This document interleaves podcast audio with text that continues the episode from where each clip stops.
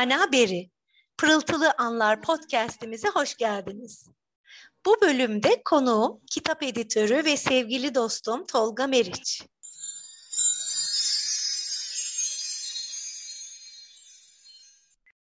Ben konuklarımı seçerken hareket noktam, konuklarımın da yaşama dört elle sarılmaları ve her anın kıymetini bilmeleri.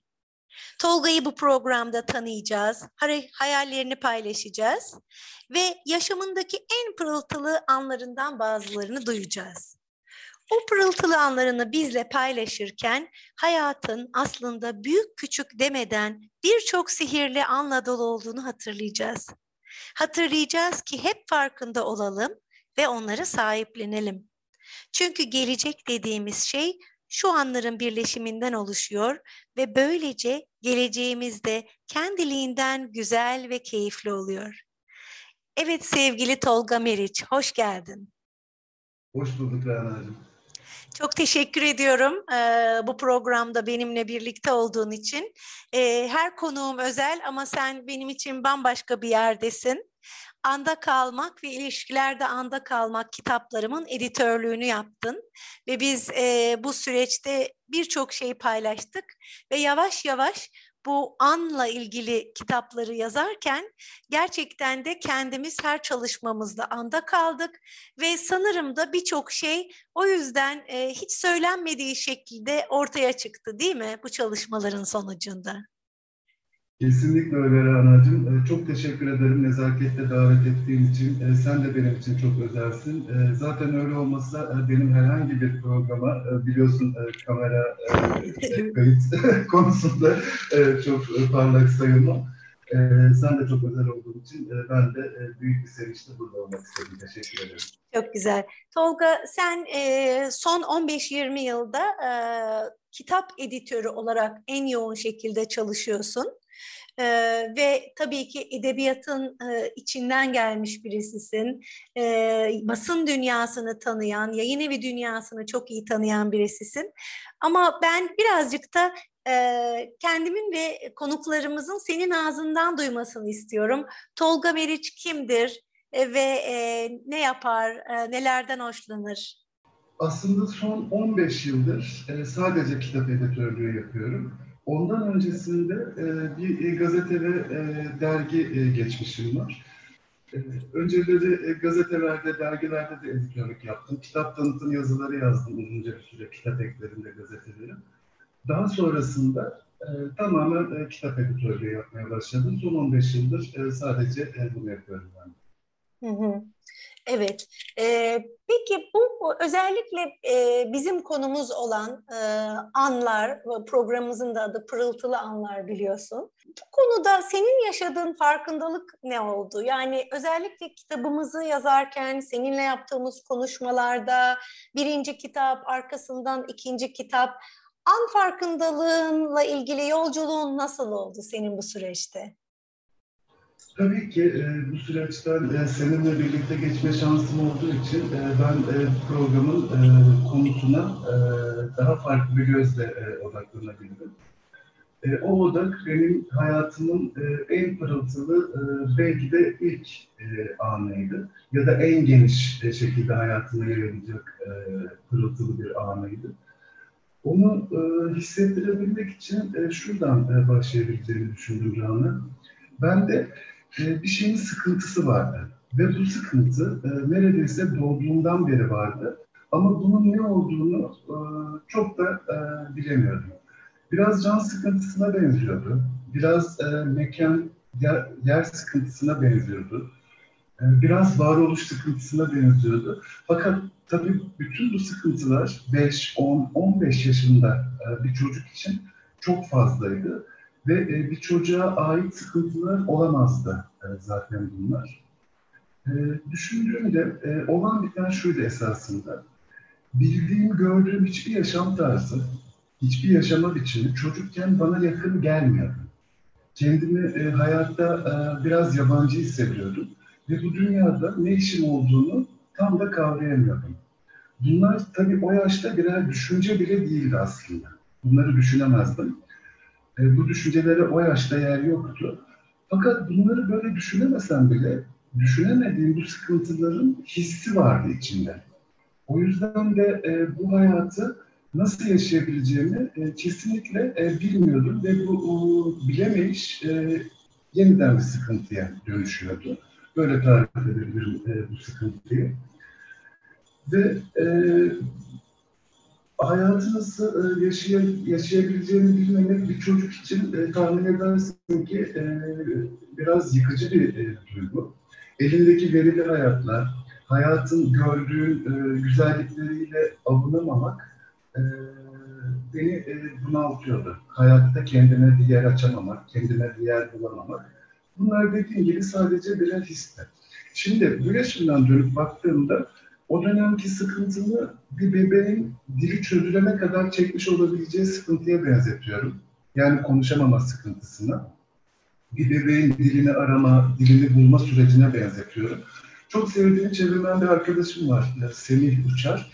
Hem çevirmen hem müzisyen hem de e, çok fazla dil biliyor. Yani bildiği dil sayısı şu an hatırlayamayacağım kadar çok ve revaçta olmayan dilleri bile biliyor. Aynı zamanda dil koçluğu da yapıyor. Onun çok güzel bir sözü var Rana. Diyor ki e, dil öğrenmeye başlayan insanların hemen konuşma telaşına düşmesi, daha doğrusu e, yabancı dili konuşarak öğrenmeye çalışması bir hata diyor.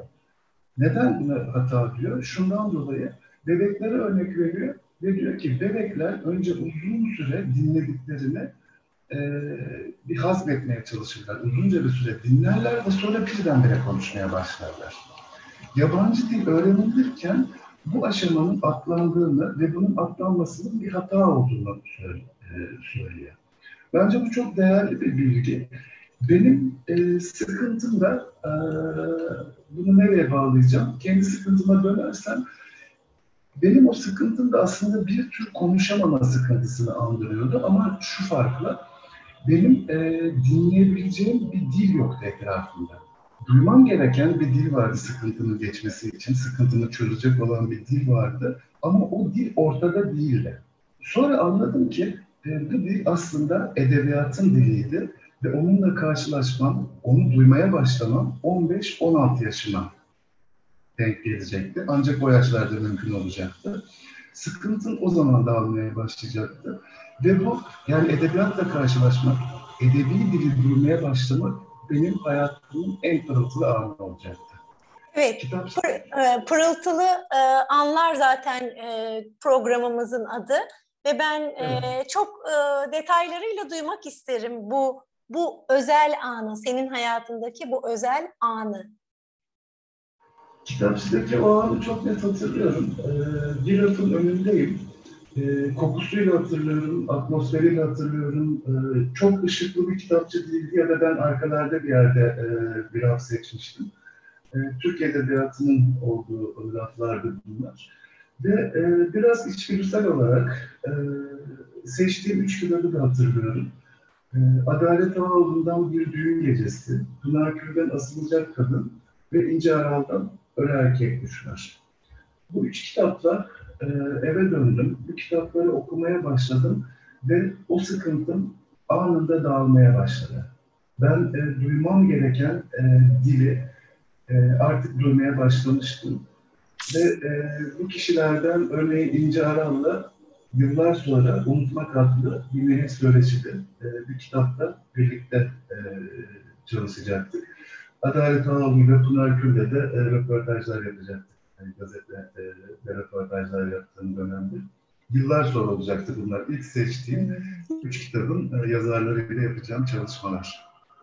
Evet, yani e, e, çok güzel. Yani insanın aslında sıradan deyip geçtiği e, anlardan aslında bir tanesine e, değiniyorsun ama bu an senin için orada yaşadığın ve belki de tam hakkını verdiğin için baktığını gördüğün, duyduğunu işittiğin, dokunduğunu hissettiğin için o rafın önünde o kitapları fark etmişsin. O kitapları fark edip alıp onları eve getirdikten sonra bu yaşamla ilişkini yeniden düzenlemişsin. Dolayısıyla gerçekten dönüştürücü bir an olmuş. Bizim basit geler geçer diye düşündüğümüz bir an senin hayatında dönüştürücü bir an olmuş. Kesinlikle. E, bunu biraz e, açmak istiyorum izninle. Yani e, burada neyi kastediyorum? Kitapları okumaya başlar başlamaz duyduğum edebiyatın dili, edebiyatın sesi derken aslında neyi kastediyorum? Bu sorulabilir. Şöyle açıklayabilirim. Mesela benim hayatımda bir kitap bitirmektense 15 gün cezaevinde yatmayı seçecek tanıdıklarım oldu. Bunu böyle söyleyen tanıdıklarım oldu. Ve onları Rana hiçbir zaman yadırgamadım. Neden biliyor musun? Ee, benim asıl yadırgadıklarım çocuğun kitap okumamasından şikayet eden anne babalar ya da edebiyat okuma seviyesinin düşüklüğünden söz eden sanat çevreleri oldu daha çok. Bunu çünkü hiçbir zaman anlamadım. Ee, herkesin edebiyatın dilini e, duyamayacağını ben daha o dili duyar duymaz çünkü fark etmiştim. Bu neye benziyor biliyor musun? Herkes müzik dinlediğini sanır değil mi? Sorarsan dinliyordur ve buna itiraz edemezsin. Şarkı dinleyen birisine ben e, şarkı dinliyorum dediğinde buna itiraz edebileceğim bir şey yoktur. Ama müziği herkes aynı şekilde duyamaz. Yani şimdi elinde notaları alır almaz şarkıyı deşifre edebilen bir notistle ya da eline aldığı çoğu enstrümanı kendi kendine çözebilen bir çocukla işte CD çalara bir şarkı koyup ağlayan, mutlu olan, dans eden birini aynı dili duyduğunu söyleyemeyiz. Fark, duyumları farklıdır. Ee, burada yeteneğe göre, duyuma göre değişebilen bir potansiyelden de söz etmiyorum aslında. E, ama şundan söz ediyorum. Edebiyatın ABC'yi e, veya okumayı sökmekle herkesin e, duyabileceği e, bir e, dil olduğunu düşünmüyorum. Her okuyanın aynı okuyabildiğini de düşünmüyorum. Edebiyatı duyabildiğini de düşünmüyorum. Bu biraz matematiğe de benziyor aslında. Hani matematik bizim sadece toplama çıkarma yapmamıza e, yarayan bir şey gibi görünür günlük hayatta belki çoğumuz için. Ama aslında matematik evrenin yasalarını, sırlarını hissedebilen bir dilidir. Fizikçiler o matematik onu hissettiği için e, evrenin sırlarına e, ulaşabilirler. E, bu başka bir dildir. E, tıpkı edebiyatta benim için matematik gibi, fizik gibi, müzik gibi başka bir dil. Benim duyduğum edebiyat dili dediğim e, dil böyle bir şey. Hı hı. Ee, Peki Tolga, e, pardon sözünü kestim ama e, bu, bu bu dille ilk o tanışma anına tekrar gelmek istiyorum. Yani bu dille tanışma anının temel hı. özellikleri neydi? Yani senin için çok daha sonra yaşamını değiştiren bir karşılaşma yaşadığın bir anda o kitapları görmen, fark etmen, o rafın karşısında durman ve orada belki e, çok özel dinamikler vardı. Basit bir an gibi görünse de temel bazı nitelikleri vardı o anın. Nelerdi senin gözüne çarpan özellikleri? Yani e, çok kısa bir süre içinde e, o dili duymak ne kadar sürüyorsa e, o kadar o, o dilin daha duymanın başlangıcında benim beni hayata bağlayabilecek kanalın dilini de duymaya başlamıştım. E, ve o an e, benim sıkıntımın dağıldığı dediğim an aslında bu hayata nasıl katılabileceğimi, işte bir sürü yaşam formu bana hiç uygun gelmezken hangi yaşam formuyla özdeşleşebileceğimi ve hayatı öyle sürdürebileceğimi hissettiğim bir e, andı. Yani hani tıpkı işte az önce söylediğimiz matematik e, evrenin dili e, dediğimiz gibi e, benim için de e, aslında hayatın dili e, çözülmeye başlamıştı e, o anda. E, şöyle tarif edeyim.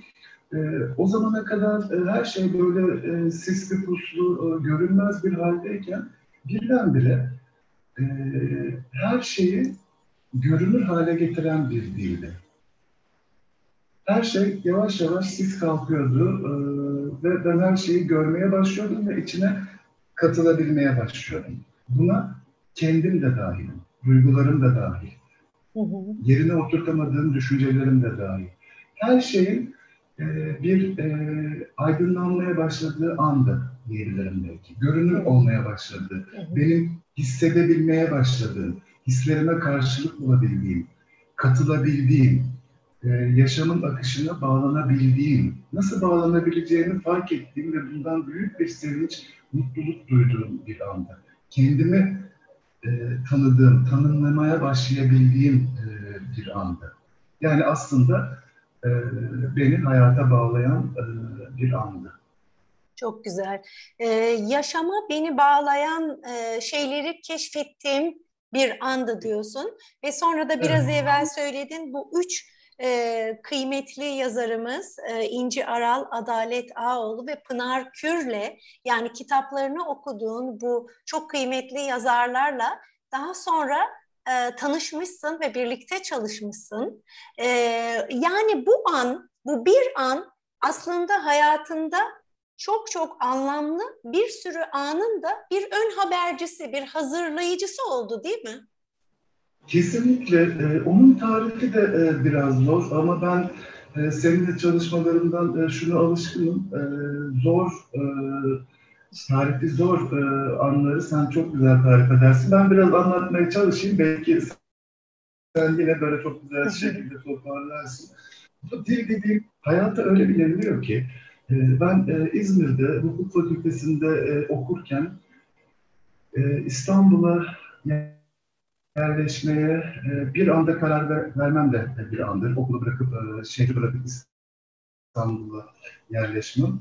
Daha sonrasında orada 20 yaşında bir, e, 19 yaşında bir çocuk ve orada e, göze aldığım, içinde olmak istediğim hayata büyük bir güven duygusuyla hiç korkmadan atılabilmem e, bu da hayatın pırıltılı anlarından biridir. Fakat bunlar hep birbirini takip eden e, anlar bana göre. E, o ilk aydınlanma anından sonrasını getirdiği bir, e, bir hayata e, güven duygusu, kendime e, güven duygusu. Sonrasında e, her şey sanki ona bağlı olarak e, devam etti. E, ne demek istiyorum? Hayatımın yine e, bu pırıltılı anları hayatımın e, e, pırıltılı kişileriyle tanışmamı sağladı hemen hemen hiç çaba sarf etmeden e, oldu bütün bunlar. Cumhuriyet Gazetesi'nde, Cumhuriyet Radyo'da çalışırken Selim İleri gibi, Türkan Saylan gibi, İlhan Selçuk gibi, Hikmet Çetinkaya gibi e, çok önemli e, bir edebiyat, kültür, sanat, siyaset çevresiyle bir arada kendimi bulmam. Orada e, çok sevgili dostum İcler Aydın'la e, tanışmam. O da e, hemen hemen aynı yaşlardayken. Ve e, sonrasında e, İcler'in e, önce kitap yazması, sonra e, gazetede yazmaya başlaması ve gazetede adına bir dergi çıkartılması. İşlerin beni o dergiye, o gazeteye editör olarak e, çağrışı. Şimdi bütün bunlar nasıl oluyor? E, Harari'nin çok güzel bir sözü var. Hani e, fizikçileri siz zannediyor musunuz ki bir araya geldiklerinde diyor işte e, evrenden bahsederler, fizik yasalarından bahsederler. Hayır herkes gibi onlar da işte futbol maçından bahsederler, dedikodu yaparlar diyor. Şimdi gündelik dilin konuşma, e, gündelik dilde konuşmak gerçekten de böyle bir şey. Fakat o edebiyatın dili dediğin şey hayatında devrede olduğu için bu dili bilenler birbirlerini tanıyorlar, çekiyorlar ya da bir şekilde bir araya geliyorlar. 19-20 yaşında bir çocuğun İstanbul'u, kendini, hayatı, Selimileri gibi dev bir edebiyatçıyla, muhteşem bir dostla, e, hayatında e, gördüğüm sohbeti en tatlı, en dolu insanlardan biriyle e, uzunca bir süre e, yol alabilmesi, e, o dilin sayesinde. Selimleriyle oturup e, sürekli edebiyattan konuştuğumuz için değil. İşler belki benim yazdığım bir sayfa bir yazıyı görmüştür o yaşlarda. Ben onun yazdığı bir sayfa bir yazıyı görmüşümdür ve orada iş bitmiştir. Ve İşler'in beni e, editör olarak e, çağırmasına bu yetmiştir. Aynen bunun gibi e, hep bu insanlar e, birbirini e, takip etti. Hayatıma e, şekil veren, e, beni e, hayatımda ve beni güvende tutan, e, istediğim yerde tutan insanlar e, hep sanki kendiliğinden e, zaten hayatıma girdi. Çünkü onlar da o dili biliyorlardı. Duymaya evet. başladı dil, onların da alt diliydi ve birbirimizi e, çok iyi görüp görür görmez böyle zarımızdan pulumuzdan işte e, birbirimizi anlayıp e, hemen e, tanışıp e, sonrasında da çok uzun yıllar dostlukla, sevgiyle ve üretimle çalışarak beraber olabildiğim insanlara e, dönüştüler. Aynı şekilde Eksiyon Yayın Evi'nin sahibi Ömer Yenici de benim hayatımın en pırıltılı kişilerinden biridir.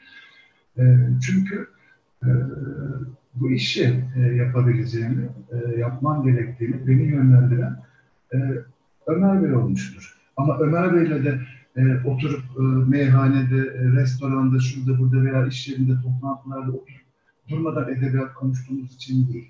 O da bir şeyi görmüştür. Bunların hepsi an meseleleri işte. O gördüğü şey ona yetmiştir.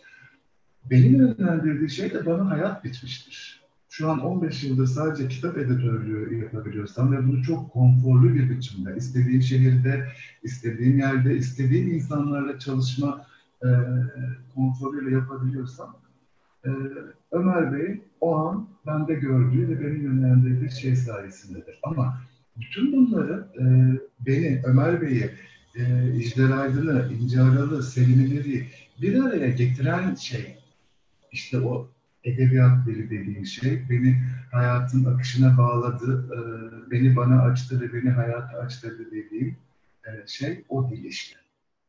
Evet, hep dil diyorsun ama aslında biz biliyoruz ki dil için duymak gerekir. Yani dil duyulduğu zaman bir anlam kazanır ve sen belli ki e, yaşamında dinleyerek anda kalmışsın, kendini ve duygularını, düşüncelerini fark etmişsin ve bunların sonucunda da aslında seninle böyle tam tencere kapak gibi birbiriyle örtüşen şeyi yani edebiyatı bu şekilde keşfetmişsin ve e, daha sonra da hayata güvenerek, anda kalarak, akışta kalarak seni yaşamda bu çok önemli, kıymetli yazarlar, edebiyat insanları kucaklamışlar e, ve mesleğinin zirvesinde editörlerden biri olmuşsun.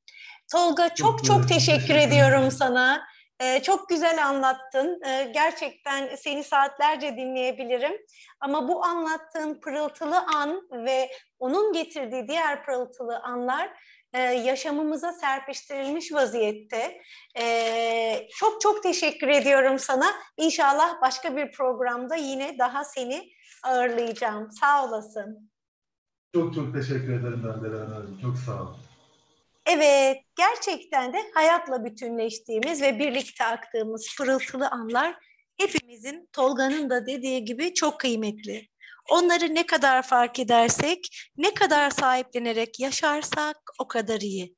Çünkü gelecek dediğimiz şey bu anların birleşiminden oluşuyor ve böylece geleceğimiz de kendiliğinden güzel ve keyifli oluyor. Sevgiyle kalın, anda kalın.